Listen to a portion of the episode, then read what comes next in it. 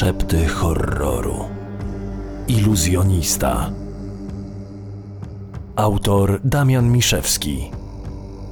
Występują Maciej Dybowski, Katarzyna Kanabus, Mikołaj Śliwa, Tomasz Osica.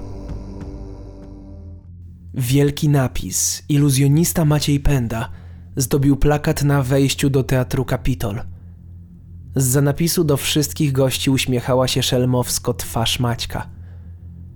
Nie mógł sobie darować wyeksponowania na tym zdjęciu swojej ręki z kilkoma zegarkami na niej. Kradzież tego specyficznego przedmiotu zaraz po wymiotowaniu całą talią kart to jego ulubiony popisowy numer – Podczas swoich pokazów na scenie nic nieświadomi ochotnicy na oczach kilkudziesięciu widzów, a w przypadku jego występów Mam Talent nawet na oczach kilku milionów widzów, nie wiedzą kiedy tracą swój zegarek. Za to publiczność widzi cały proces i ma z tego wielki ubaw. Oczywiście wszyscy ochotnicy po pokazie dostają swoje fanty z powrotem. Chociaż jednak kiedyś znalazłem u niego szufladę pełną przeróżnych zegarków. No, Byłem na paru mocnych imprezach. Nie pamiętam komu je zabrałem, więc sobie tam czekają, aż ktoś się po nie zgłosi. Odpowiedział mi rozbawiony, gdy zapytałem o jej zawartość. Maciek jak zwykle przed każdym pokazem witał wszystkich swoich gości. Zawsze miał w sobie optymizm, pogodę ducha oraz taką imponującą chęć przebywania z innymi ludźmi, chęć wchodzenia z nimi w interakcję. A ludzie lubili przebywać w jego towarzystwie. Tego dnia był jednak jakiś rozkojarzony. No się ma, jak tam? Przywitał mnie przyjaźnie, choć dziwnie rozglądał się po tłumie, ewidentnie szukając kogoś innego. Zauważyłem, że jest bardziej zdenerwowany niż zwykle, choć starał się to ukrywać. Siema, stresujesz się? Wypaliłem jak zwykle bez ogródek. Wiedziałem, że dziś testuję swój nowy program. Nie, nie bardziej niż zawsze. Poza tym stres działa mobilizująco. Dobra, Damiano, muszę lecieć, yy, znaleźć moją asystentkę. No, to powodzenia. Mam nadzieję, że nie będzie tej przeklętej szafy z Londy... Ale już mnie nie słuchał. Zniknął gdzieś w tłumie, zanim zdążyłem dokończyć zdanie. Ja miałem tylko szczerą nadzieję, że dziś nie będzie robił numeru z szafą.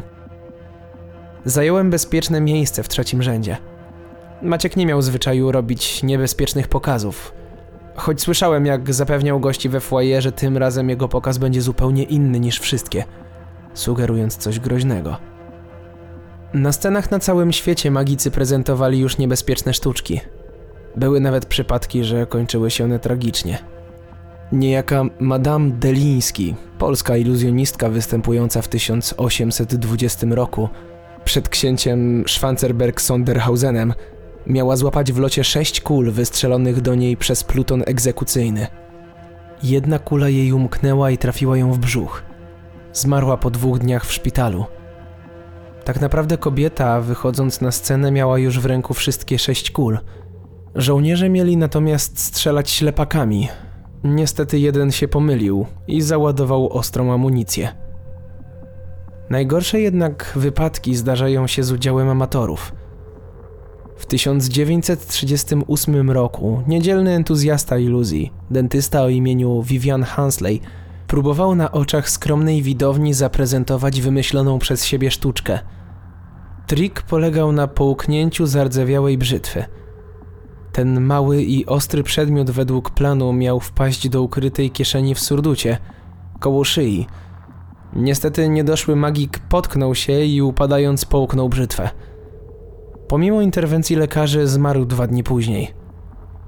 Na szczęście Maciek nie jest amatorem.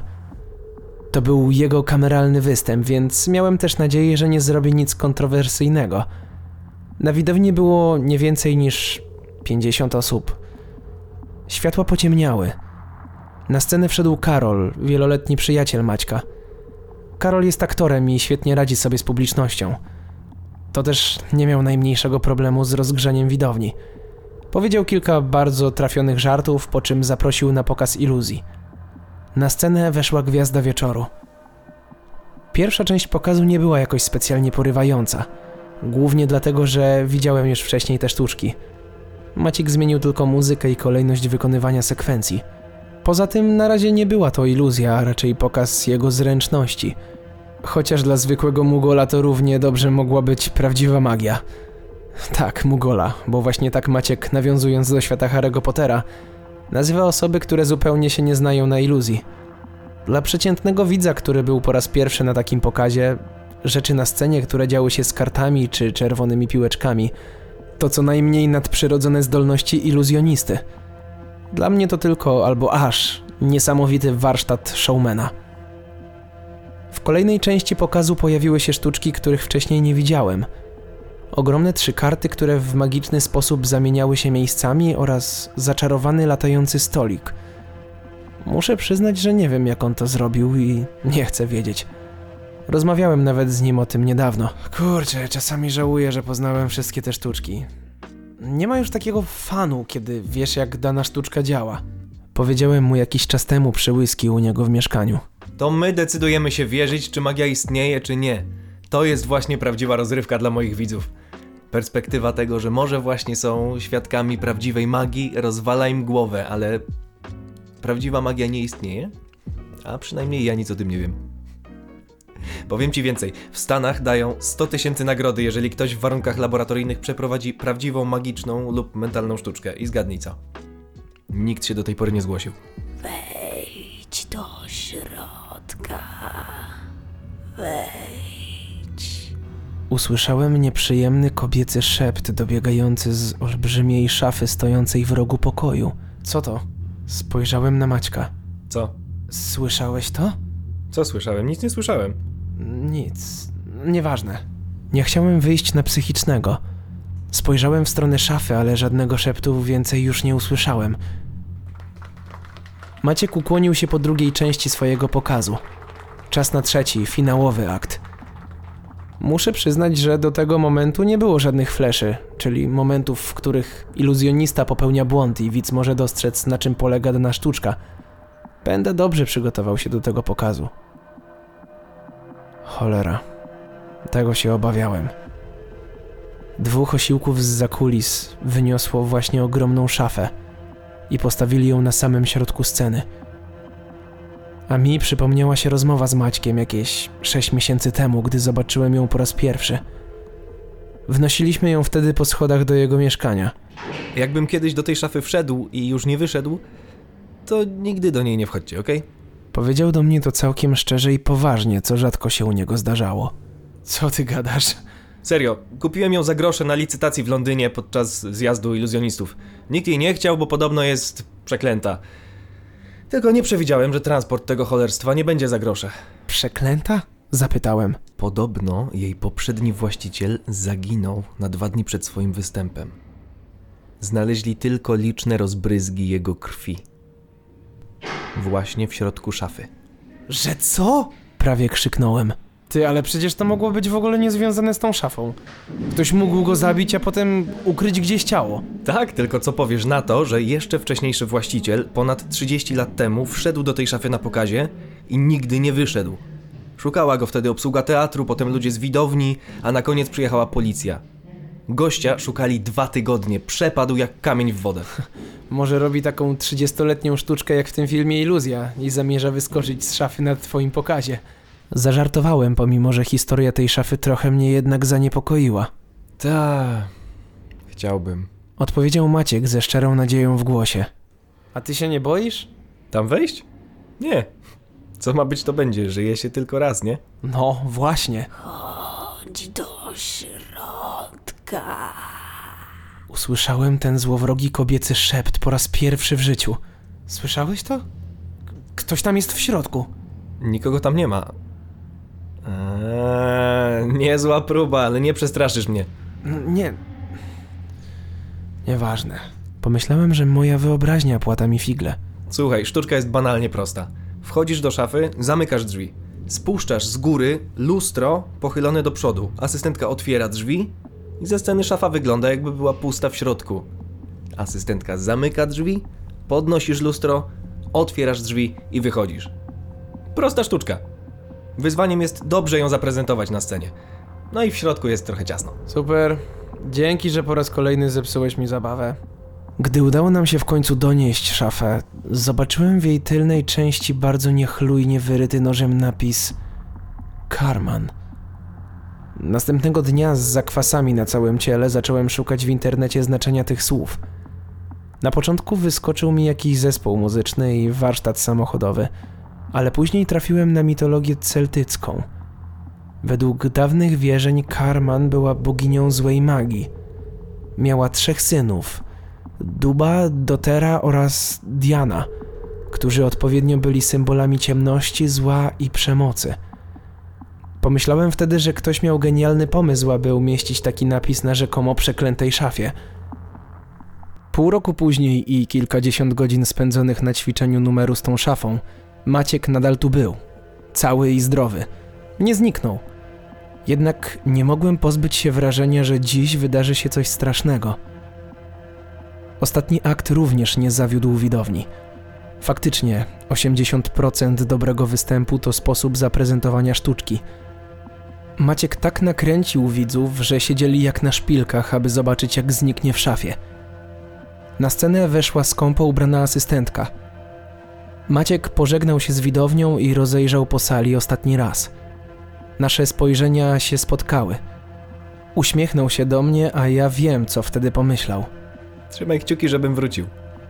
Wszedł do szafy, a asystentka zamknęła drzwi. Dynamiczna rokowa muzyka grała z głośników, nadając pokazowi dodatkowych emocji. Szczupła blondynka w czarnej mini przeszła kilka razy wokół dobrze oświetlonego rekwizytu. Nie miał najmniejszej szansy wyjść stamtąd niezauważony. Znam ten teatr, scena nie posiada też żadnej zapadni czy przejścia dołem. Maciek musiał być cały czas w środku – Asystentka z wdziękiem i scenicznym uśmiechem otworzyła drzwi, idealnie zgrywając się z muzyką. To niesamowite. Lustro działało tak, jak Maciek powiedział. Z perspektywy widowni szafa wyglądała na zupełnie pustą. Rozległy się brawa. Muzyka jednak grała dalej. Dziewczyna zamknęła drzwi i znów zaczęła chodzić wokół sceny. A ja po raz pierwszy tamtego wieczoru usłyszałem złowrogi kobiecy szept – Chodź do środka. Cały zesztywniałem. Blondynka tym razem stanęła w odległości dwóch kroków od starego mebla. Muzyka nasilała się i przyspieszała, tak jak to zazwyczaj bywa przed wielkim finałem. Nagle z mocnym uderzeniem perkusji utwór się skończył i zapadła cisza. Asystentka stała pewna siebie, otwartymi dłońmi wskazując wciąż zamkniętą szafę. O kurwa. Dopiero po chwili dotarło do mnie, że powiedziałem to na głos przy zupełnie cichej sali. Kilka osób popatrzyło na mnie jak na idiotę, ale ja już wiedziałem, że coś jest nie tak. Minęła minuta i nic. Dwie minuty. Nic. Po trzech minutach asystentka zaczęła nerwowo spoglądać w stronę olbrzymiego mebla, a jej uśmiech zmienił się na wymuszony. Po pięciu minutach podeszła bliżej, starając się wyjść z roli i zapukała. Cisza. Na widowni powoli narastały pomruki i niezadowolenia. Na scenę wszedł Karol. Spokojnie. Pewnie zasnął. Znam go. Powiedział do publiczności, która parsknęła śmiechem. Podszedł do szafy i zapukał zdecydowanie mocniej niż szczupła blondynka. Maćku, bo tu widownia czeka na ciebie, pamiętasz? Po widowni ponownie przetoczył się cichy śmiech, lecz na scenie nie zadziało się nic. Karol uśmiechnął się niepewnie. Nie dajesz mi wyboru! Otworzył drzwi. Pusto. Nie wiem, czy to było odbicie lustrzane, czy faktycznie szafa była pusta. Z pozycji widza ciężko to ocenić. Karol zamknął szafę. Maciek, daję ci ostatnią szansę. Pięć, cztery, trzy, dwa, jeden. Ponownie otworzył szafę. Nadal pusto. Nachylił się do asystentki. To jest część jego pokazu? Spytał szeptem, lecz siedząc w trzecim rzędzie zrozumiałem go bez problemu. Dziewczyna pokręciła głową. Nagle Karol odskoczył od szafy przestraszony, po czym rzucił się z powrotem szarpiąc za lustro. Jak to działa? Jak to otworzyć? Krzyczał w stronę asystentki. Ona stała tam, cała się trzęsąc. Widziałem kiedyś taką reakcję. Właśnie miała atak paniki. Była całkowicie sparaliżowana strachem. Ja wiem! Krzyknąłem w stronę Karola. Przeskoczyłem dwa rzędy i gdy tylko wszedłem na scenę, pobladłem. Spod szafy mozolnie rozprzestrzeniała się ciemno-czerwona gęsta plama. Z poziomu widowni nie było tego widać. To lustro ma jakieś zatrzaski. Powinno się jakoś podnosić do góry. Starałem się zachować spokój. Przyjrzałem się olbrzymiemu rekwizytowi z bliska. Lustro było opuszczone. Zacząłem szukać jakichś zatrzasków. Karol poszedł w moje ślady. Po chwili udało nam się rozpracować mechanizm szafy. Część widowni zaczęła wychodzić, ale zdecydowana większość została, zaciekawiona tym, co się właśnie stało i co poszło nie tak. Idź do środka. Coraz głośniejszy, złowrogi kobiecy szept powoli mnie hipnotyzował. Unieśliśmy lustro i zamarliśmy w bezruchu. Publiczność spanikowała. Usłyszałem kobiece okrzyki przerażenia. Rodzice zasłaniali oczy dzieciom. Nastała chaotyczna wrzawa. Cała tylna część szafy pokryta była w obfitych rozbryzgach krwi, ale Maćka nie było. Zamiast niego na samym dole leżał jego całkowicie zakrwawiony zegarek. Pasek był zapięty, jakby ktoś siłą ściągnął go z ręki. Gdzie on jest? Przyjaciel Maćka krzyczał w stronę blondynki, która trzęsąc się stała w miejscu, patrząc tempo w jeden punkt. Karol zaczął nerwowo badać puste wnętrze, opłukując rekwizyt z każdej strony. Szafa naprawdę była przeklęta. Idź do środka. Tym razem kobieta wydała rozkaz, słyszalny tylko dla mnie. Zamknij mnie w niej. Co? Zamknij mnie w szafie. Zaufaj mi. Nie powinien mi ufać. Nieznana siła zmuszała mnie do tego. Nie wiedziałem, co robię. Nie chciałem tam wchodzić. Czy to jest dalsza część pokazu? Tak, skłamałem. Wszedłem do szafy. To nigdy do niej nie wchodźcie, okej? Słowa Maćka przeszywająco brzmiały w mojej głowie. Byłem gotowy na najgorsze, choć miałem jedną nikłą nadzieję, że gdy zamkną mnie w tej małej przestrzeni i opuszczę lustro, to zauważę może jakąś szparkę i odkryję, jak Maciek się stąd wydostał. Karol zatrzasnął drzwi. Serce zaczęło mi bić szybciej. Niezdarnie opuściłem lustro. Nagle nastała cisza i ciemność. Faktycznie było tu tak ciasno, że praktycznie nie mogłem się ruszyć. Próbowałem się rozglądać. Nic. Żadnej szparki. Całkowita czerń. Nawet po chwili, gdy wzrok powinien zacząć się przyzwyczajać do ciemności, nie widziałem nic. Najdziwniejsze jednak było to, że również nic nie słyszałem. Na początku pomyślałem, że może opuszczenie lustra powoduje jakąś dodatkową izolację akustyczną, lecz przecież iluzjonista dający występ z tym rekwizytem musiał wiedzieć, kiedy kończy się muzyka, aby w odpowiednim momencie wyjść z szafy. Karol? Zawołałem. Cisza. Nic się nie zadziało. Siedząc tu bezczynnie, nic nie wskuram, pomyślałem. Otworzyłem lustro, po omacku chwyciłem za klamkę i otworzyłem drzwi. Ciemność i cisza. Zupełnie jakbym stracił wzrok i słuch. Czułem jednak, że na czymś stoję. Zrobiłem chwiejny krok do przodu. Karol? Zawołałem ponownie. Cisza. Maciek! Jesteś w końcu. Kolejny śmiertelnik traktujący magię jako rozrywkę na jarmarkach. Zabrzmiał w mojej głowie znajomy, przerażający, głęboki kobiecy głos. Tym razem z nutą satysfakcji. Serce podskoczyło mi do gardła. Jeżeli to jakiś żart czy coś, to bardzo nieśmieszny. Krzyknąłem, starając się brzmieć poważnie i groźnie, choć zalewała mnie fala strachu. Kim jesteś? Zapal światło! Kobiecy głos roześmiał się złowieszczo. Wy ludzie już o mnie zapomnieliście. Choć niegdyś co trzy lata czciliście moje imię. Co trzy lata? Nie mam pojęcia, o czym ona mówi. Chyba, że to. To Karman. Ona była przecież czczona w Irlandii równo co trzy lata, 1 sierpnia. aż do XI wieku. Nie, to niemożliwe. Gdzie jest Maciek? Starałem się udawać odważnego, choć tak naprawdę byłem przerażony jak nigdy dotąd. Ludzie myślicie, że wszystko da się wytłumaczyć za pomocą waszej nauki. Że wszystko opiera się o wasze prawa fizyki. Że wszystko musi być logiczne i wytłumaczalne. Tym razem brzmiała na zirytowaną i pełną pogardy. Gdy Beszujla mnie uwięziła, zupełnie zapomnieliście o prawdziwej potędze magii. Te wasze śmieszne znikanie w szafie, kradzież zegarków, znikające karty.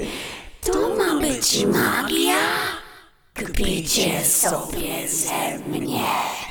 Prawdziwa magia to potęga służąca do wielkich czynów, do niewyobrażalnych dla was rzeczy. Fortuna jednak się odwraca. Więcej was tu trafia, tym prędzej powróci moja chwała. Wypuść mnie. Wypuść mnie, błagam. Ju- Już wierzę. Już wierzę w magię. Błagam. Za późno. Ja, bogini prawdziwej magii, skazuję cię na życie wieczne w obecności mojego syna Duba. Od teraz przez wieczność będziesz żył w całkowitej ciemności. Co? Nie. O, o nie. Błagam, nie. A Maciek? Co z Maćkiem? Nie chcę być tutaj sam. nie dołączy do ciebie. Został skazany na wieczność z moim drugim synem, Dianem. Napis Przemoc, przeczytany kilka miesięcy temu, pojawił mi się przed oczami. Miłej wędrówki.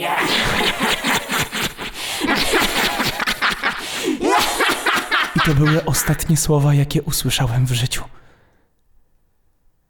Od tamtej pory cały czas idę z wyciągniętymi przed siebie rękami. Niekiedy zmieniam tylko kierunek. Nic nie widzę nic nie słyszę. Nic mnie nie boli. Nie chce mi się ani jeść, ani pić, ani spać. Tylko idę. Czasami, aby poczuć się lepiej. Myślę sobie, że mogło być gorzej. Że mogłem trafić jak Maciek. Na Diana. Zasubskrybuj szepty horroru, aby nie przegapić żadnej strasznej historii. Czytał Tomasz Osica.